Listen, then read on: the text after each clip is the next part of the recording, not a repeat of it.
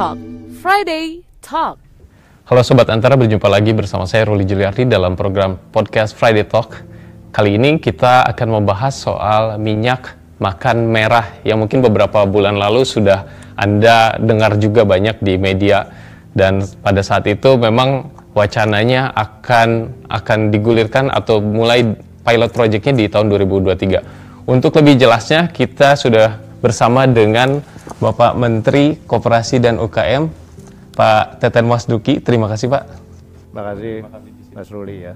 Dan kita juga sudah bersama dengan peneliti uh, pusat uh, peneliti pusat penelitian kelapa sawit Ibu Frisda Rimbun Panjaitan. Terima, Terima kasih Ibu. Iya. Nah Pak soal minyak makan merah nih Pak.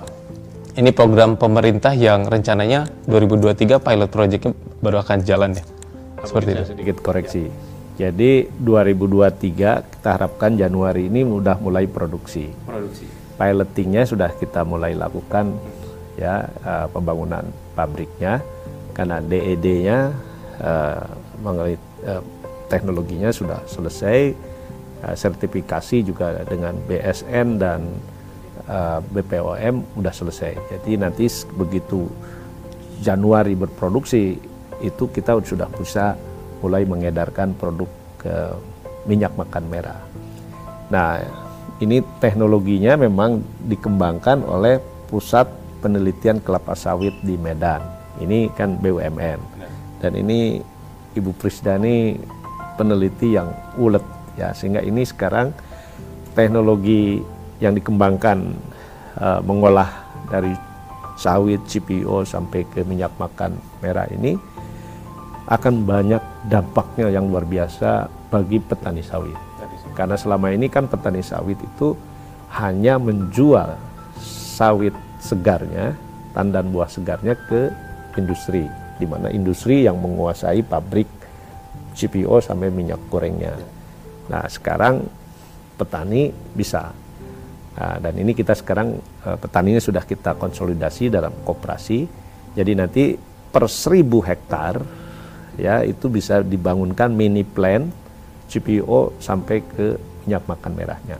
Nah, nanti minyak makan merahnya ini kan bisa didistribusikan ke masyarakat sekitar kebun. Ya, jadi kalau 10 ton per hari itu bisa diserap hanya oleh dua kecamatan, ya masyarakat di dua kecamatan.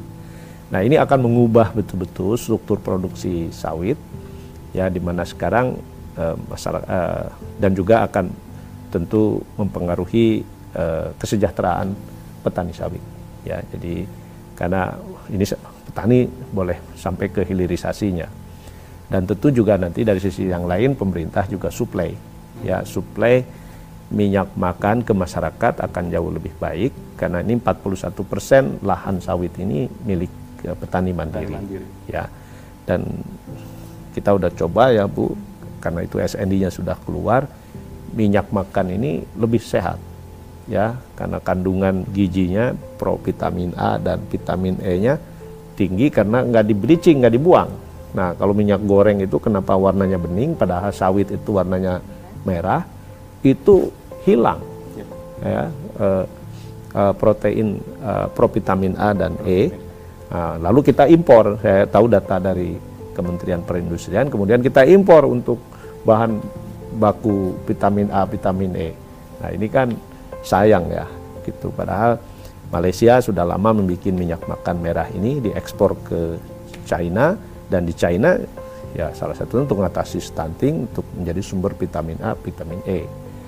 Nah ini saya kira apa satu kebijakan afirmasi pemerintah yang sekali lagi ini akan punya dampak yang sangat bagus. Tiga hal akan tersasar dengan program ini satu kesejahteraan petani sawit, kedua suplai minyak makan ke bawah, dan ketiga ini juga mensuplai pangan yang sehat ya untuk rakyat. Baik Pak, sebelum lebih jauh ke sana, pertanyaannya sejak kapan Pak pemerintah memutuskan untuk fokus mengembangkan ini? Kapan ketemunya dengan PPKS? Ah ini peluang yang bagus nih untuk petani sawit mandiri atau swadaya nih. Ya kemarin itu kan waktu uh, terjadi gejolak harga uh, minyak goreng ya bahkan Pak Presiden sudah melarang diekspor kan tapi tetap kan harga uh, tinggi. Lalu juga para petani sawit juga teriak karena TBS-nya sampai kemarin 700 rupiah kan, begitu. Nah, secara kebetulan uh, kami uh, mendapatkan informasi ya di pusat penelitian kelapa sawit itu ada teknologi yang sangat dikembangkan uh, oleh para peneliti dan ketuai oleh Bu Prisda ini. Nah, waktu kami ke sana ternyata memang uh, teknologinya sudah uh, tahir ya, walaupun baru prototipe ya Ibu Prisda ya. Terus saya laporkan ke Pak Presiden, Pak saya bilang ini ada teknologi yang bisa menjadi solusi. Nah, usul saya ini dirakorkan di kabinet karena harus melibatkan banyak pihak. Tapi Pak Presiden langsung waktu itu enggak. Kita lihat aja langsung ke Medan, ya ke Sumut. Ya akhirnya kita ke Sumut ya Ibu Prida kaget mungkin tiba-tiba dikunjungi Presiden. Nah itulah uh, hebatnya Pak Jokowi ya.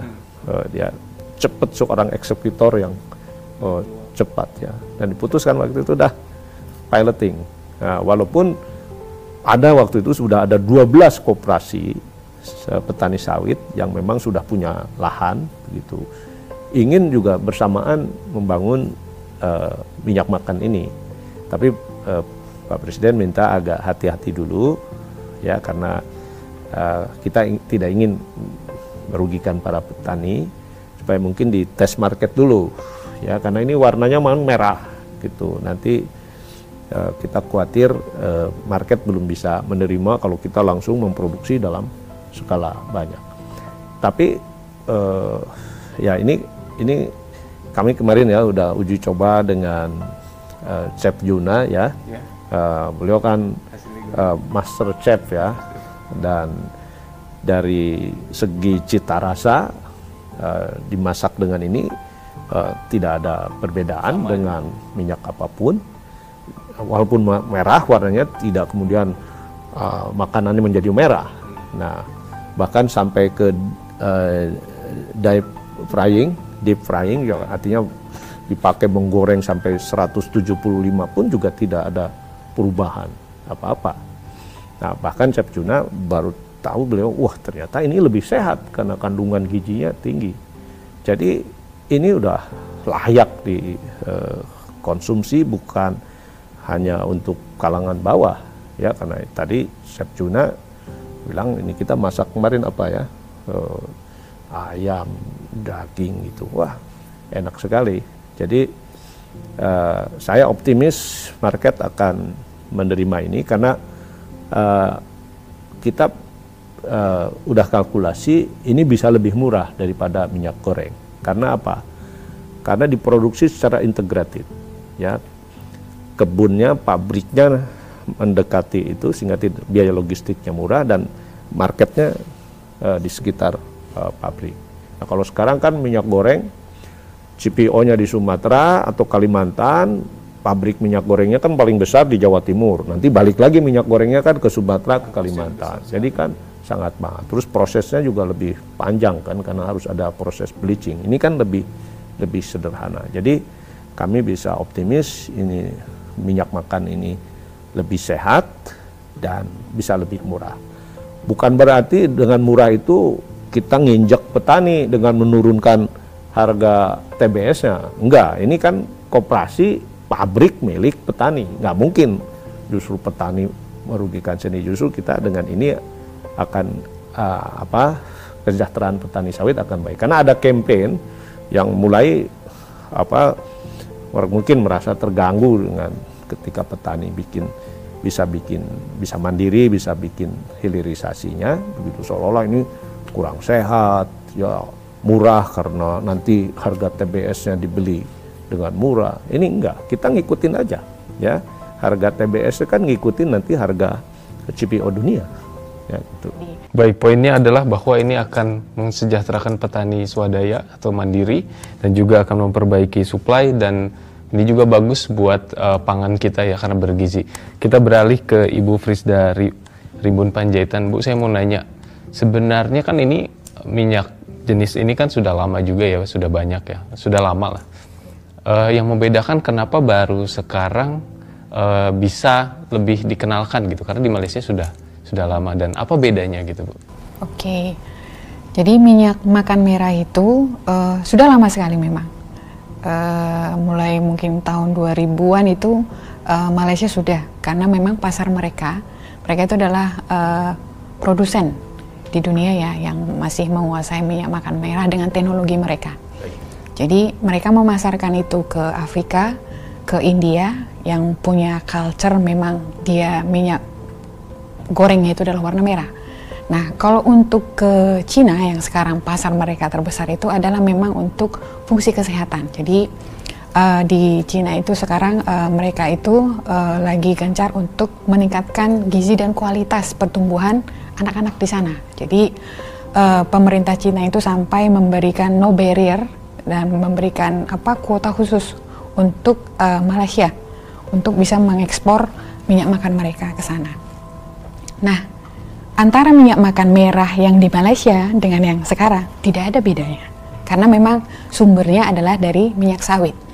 Minyak sawit itu dikaruniawi uh, naturalnya itu kaya dengan provitamin A, vitamin E, ada squalene, ada fitosterol. Ini sebenarnya sangat berfungsi bagus untuk balancing ketika kita mengkonsumsi lemak. Jadi ketika kita mengkonsumsi lemak akan ada uh, deal antara lemak jahat dan lemak baik. Nah, yang membalancing itu adalah provitamin A, ada vitamin E, ada squalene dan fitosterol. Kalau di dalam industri yang minyak goreng yang kita pakai sekarang, yang warna bening, yang warna, yeah. nah ini dibuang karena memang kita itu uh, mencoba meniru profil dari minyak kelapa mungkin atau minyak uh, apa kacang kedelai, minyak biji bunga matahari misalkan. Jadi kita meniru itu sehingga kita membuang membuang nutrisi ini sebenarnya. Nah, kalau di Malaysia itu teknologinya sangat canggih, kita membuat teknologinya sederhana, tetapi kualitasnya itu equal. Lebih dari situ memang karena ini didedikasikan untuk petani kecil. Jadi kalau petani kecil misalkan seperti kata Bapak tadi, uh, jangan jadi karena ini di petani kecil dianggap bahwa teknologinya ini, oh itu skala kecil gitu. Tidak. Secara desain, uh, eh, BP POM sendiri menilai, dia menilai itu di kelasnya pabrik minyak goreng jadi segala sesuatu yang berhubungan desain sehingga itu nanti diterima dalam izin edar, keamanan pangan itu memang didesain seperti industri besar, tetapi teknologinya itu lebih sederhana. Jadi uh, kita mengkat beberapa step demi mempertahankan kualitas ini tadi, kualitas dari nutrisi itu sampai nanti di produk akhir pun dia masih tetap ada dan nantinya ketika kita sudah uh, mengasup makanan hasil dari pengolahan minyak makan merah itu masih bisa masuk ke dalam tubuh dan kita masih bisa menerima provitamin A, vitamin E dan juga pembalancing tadi untuk uh, kesehatan yang fitosterol ataupun squalene seperti itu. Jadi teknologi ini sangat sederhana. Kita mengkat beberapa step yang ada di seperti deodorizer suhu tinggi sampai 300 derajat Celcius yang nantinya juga akan memberi ada efek-efek yang lain dan juga kita juga tidak menggunakan bleaching atau pemucatan untuk mempertahankan gizi tadi. Tetapi walaupun kita mengangkat itu bukan berarti dalam segi proses bahwa dia itu dikategorikan oh ini masih tetap piloting, bukan. Tetap bisa masuk di skala industri karena bisa kontinu dikerjakan. Seperti kata Bapak tadi ini 10 ton CPO berarti nanti mereka itu akan punya 7,6 atau sekitar 8 ton minyak makan merah. Dan ini mudah-mudahan cukup untuk di sekitar pabrik dua kecamatan. Jadi uh, mobilitas dari perpindahan produk itu tidak terlalu jauh gitu. Jadi mungkin harganya bisa sangat sangat sangat murah gitu. Jadi dari mereka untuk mereka. Dari penelitian yang selama ini trial yang ada di Sumatera Utara saya lihat ada tiga, di tiga lokasi gitu. Itu memang sudah berapa lama uh, dilakukan? Mungkin perlu dijelaskan dulu ya. ya. Tadi yang saya khawatir. Memang selama tahun 2000-an ada minyak makan merah. Hmm. Tapi ini yang termasuk di dalam negeri ya. ya. Tapi belum ada SNI-nya. Ya, gitu. Ya ini yang sudah ada SNI-nya. Jadi minyak makan minyak merah bahkan minyak makan merah misalnya minyak merah dari Papua hmm. mungkin orang mengatakan itu minyak minyak merah juga gitu karena pada dasarnya juga mempunyai komposisi asam lemak. Tetapi yang sangat membedakan itu adalah memang minyak sawit itu sangat unik gitu. Jadi untuk tokotrienol dan kandungan dari provitaminnya itu jauh lebih tinggi dibanding oleh dibanding dengan minyak nabati yang lain sebenarnya. Jadi ini yang membuat keunikan keunikan dari minyak sawit sehingga ketika nanti pun misalkan seandainya ini Pak ada mau membuat fraud lah gitu. Nanti taruh minyak goreng baru nambahin warna merah akan terlacak oleh SNI. Beta karotennya berapa atau kotorannya berapa karena itu tidak dipunyai oleh minyak yang lain gitu. Jadi memang akan dapat lah gitu kalau mau coba-coba di ini diimitasi. Prospeknya cukup besar ya Pak. Peran Kementerian Koperasi dan UKM di sini seperti apa Pak ke depannya? Ya ini sebenarnya kolaborasi kami dengan Kementerian BUMN ya uh, baik dari teknologinya maupun nanti di produksi dari kepembiayaan uh, dan juga ada peran BPD PKS-nya ya karena di situ ada dana petani yang dikelola oleh BDPKS maksudnya dana petani sawit. Nah, nah kami di Kementerian Koperasi ini kan uh, lebih ke pengembangan model bisnis ya uh, sampai ke tadi kita bantu urusin semuanya tuh uh, SNI-nya ya macam supaya dapat uh, izin edar. Karena ini kan uh, koperasi ya koperasi. Nah kami juga uh, terus bicara dengan uh, PTP ya untuk mensinergikan uh, bisnis PTP ini dengan uh, koperasi petani sawit ya. Uh, jadi nanti uh, saya kira ini uh, akan menjadi satu kekuatan. Uh, produksi minyak makan merah ini eh, menjadi salah satu kekuatan eh, ekonomi sawit ya. Jadi baik untuk pasar dalam negeri maupun eh, pasar luar yang sangat eh, membutuhkan eh, tadi. Bahkan bukan untuk minyak makan atau minyak goreng tapi untuk uh, bahan baku produk-produk uh, kesehatan ya karena ini turunannya banyak selain minyak makan uh, uh, merah ini. Jadi kami eh, eh, karena ini basisnya koperasi, ya, di Kementerian Koperasi masuk gitu ya. ya sebab ini penting ya, petani sawitnya kita koperasikan karena nanti bahaya kalau ini udah jalan pabriknya ya terus nanti apa petaninya tidak disiplin ya misalnya nanti harga sawitnya dinaikin ya nanti dijual, pabriknya kekurangan bahan baku bangkrut. Ya, ini kan kita betul-betul memang uh, petaninya harus uh, dikoperasikan secara apa lebih baik. Jadi minyak makan merah ini hanya dipegang oleh koperasi. Ya kita udah putuskan di pemerintah ini kebijakan Pak Presiden hanya untuk SNI-nya hanya diberikan untuk uh, koperasi petani, pabrik uh, koperasi milik petani sawit. Nah, kita lagi coba apakah nanti hanya ada satu brand ya atau brand bersama atau uh, ada beberapa brand. Ya, saya kira yang paling penting kan karena ini produk uh, makanan harus higienis, ya harus sehat, ya. Jadi kita udah pikirkan sampai kemasannya juga ya dengan BPOM uh, untuk distribusinya. Bahkan dari PPKS malah ada teknologi yang lain yang lebih bisa awet ya jadi dibikin bukan minyak cair tapi minyak padat yang secara logistik lebih mudah penyimpangan dan lebih tahan lama. Saya lihat sepertinya minyak makan merah ini bukan hanya sekedar minyak ya, tetapi juga bisa diproduksi untuk vitamin dan sebagainya. Punya produk turunan yang lain. Apa saja tuh, Bu?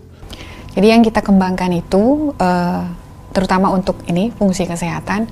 Jadi yang sudah kita uji secara praklinis di PPKS itu dia sebagai booster uh, modulasi pertahanan tubuh, jadi imunomodulator. Juga untuk ini menurunkan indeks hiperkle apa hiperglikemik untuk yang diabetes. Baru kita juga uh, mengembangkannya untuk sekarang itu yang nantinya juga akan uh, mudah-mudahan nanti kalau perusahaan farmasi itu akan mengambil bahan baku mereka untuk uh, pro vitamin A yang salah satu peranata untuk anti stunting itu adalah dari koperasi. Jadi Koperasi itu bisa penyuplai bahan baku untuk uh, kapsul uh, soft kapsul uh, provitamin A. Nanti mungkin karena uh, angka dari stunting stunting di Indonesia masih tinggi, masih di angka 30 30 persen gitu.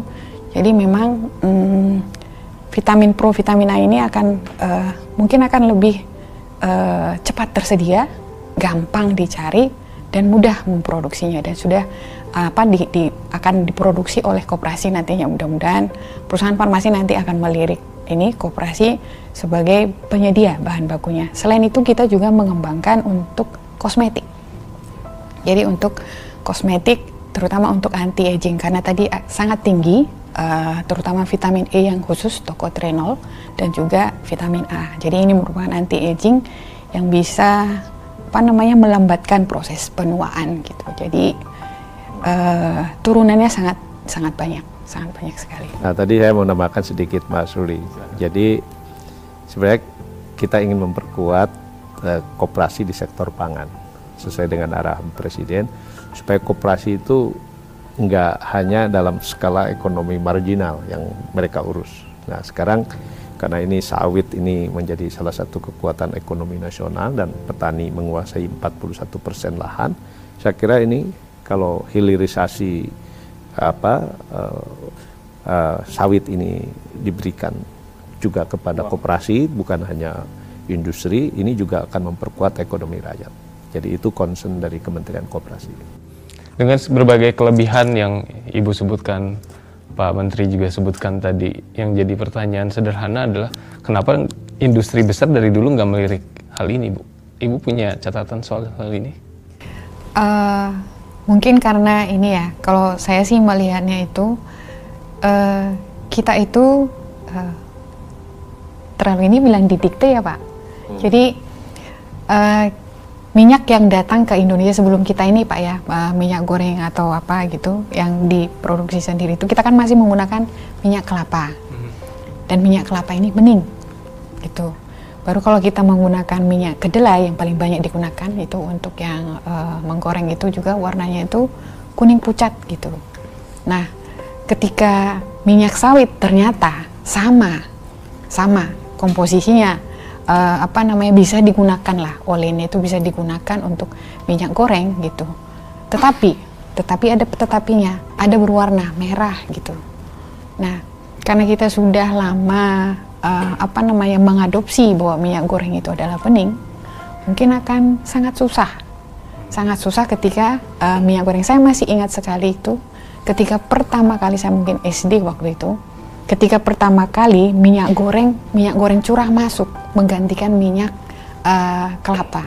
Itu susah untuk diterima karena masih berwarna agak kuning karena yang biasa dipakai itu sangat bening gitu. Jadi mungkin karena itu baru mungkin kita juga apa namanya kalau saya bilang sih uh, yang bening itu sejernih. Tapi kalau yang ini meskipun coba lihat ya, meskipun merah ya. tapi bening ya bening transparan bukan seperti yang dulu ya yeah. Iya. uh, minyak curah tapi warnanya agak bulutek gitu ya kalau ini kan benar-benar bening nih kayak sirup kan bening jadi uh, memang warnanya merah gitu jadi saya setuju bahwa kita ini selama ini uh, lebih didikte oleh pasar yang pasar. sudah uh, memang sudah menerima bahwa minyak itu harus, harus bening, ya. bening ke kuning-kuningan begitu ya. Nah sehingga mungkin industri juga menyesuaikan dengan itu.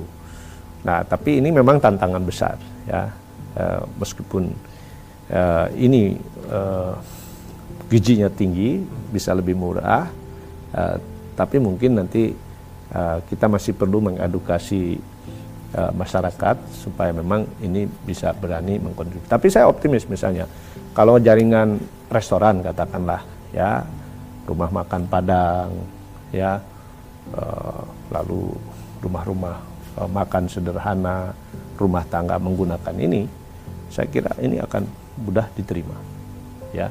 Karena mereka tahu kualitasnya ya. Itu jauh lebih mudah mengedukasi pemilik restoran daripada mungkin mengedukasi uh, apa orang biasa gitu kan.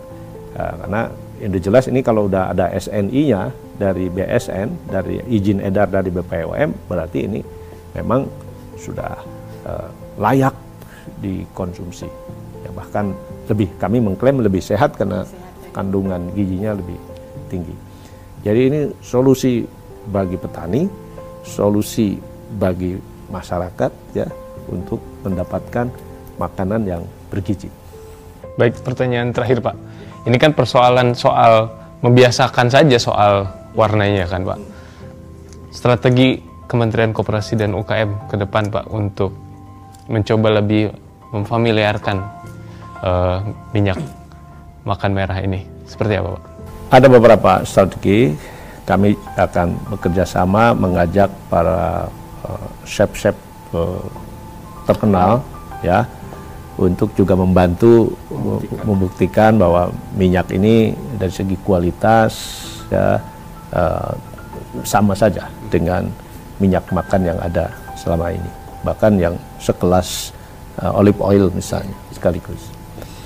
Nah tentu kami juga akan coba masuk ke tadi uh, para pemilik uh, restoran ya uh, apa uh, yang saya kira jauh lebih mudah lah mereka bisa memahaminya bahkan bisa mendapatkan suplai yang lebih uh, murah ya dan bergizi. Nah uh, juga tokoh-tokoh masyarakat ya itu. Ya saya sendiri sekarang uh, sudah coba di rumah gitu kan, wah ternyata lezat ya warnanya kalau apa pakai goreng tempe pun, waduh ya, ini sedap. kalau Chef Juna sudah bilang tidak ada bedanya ya sudah approve sih Pak. Ya mereka kan ahlinya ya, juga. Ya, ya, ini makanya ini butuh ya butuh kebiasaan uh, pengenalan. Uh, ya. Pengenalan ini. Tapi kalau kita sediakan suplainya ya. ya mudah diakses dan harga yang murah dan orang juga akan nyoba kan. Ya, pasti murah kan. Ya pasti murah. Ya, begitu dicoba enak yang macam saya optimis ini akan dibeli. Nah ini perlu memang harus campaign dari sisi kesehatan ya bahwa ini lebih sehat apalagi untuk yang tadi punya problem kolesterol segala yeah. macam ini kan lebih aman ya ya Bu ya. Bu Prisda saya nggak punya otoritas untuk menjelaskan itu Bu Prisda. dan ini kan menjadi kampanye positif sebenarnya. Karena sampai sekarang pun pihak luar itu selalu kampanye hitam terhadap minyak sawit. Tidak sehat. Mereka selalu mengatakan bahwa uh, minyak tropikal itu tidak sehat uh, drive drivernya kardiovaskular lah atau apalah gitu. Padahal sebenarnya tidak gitu.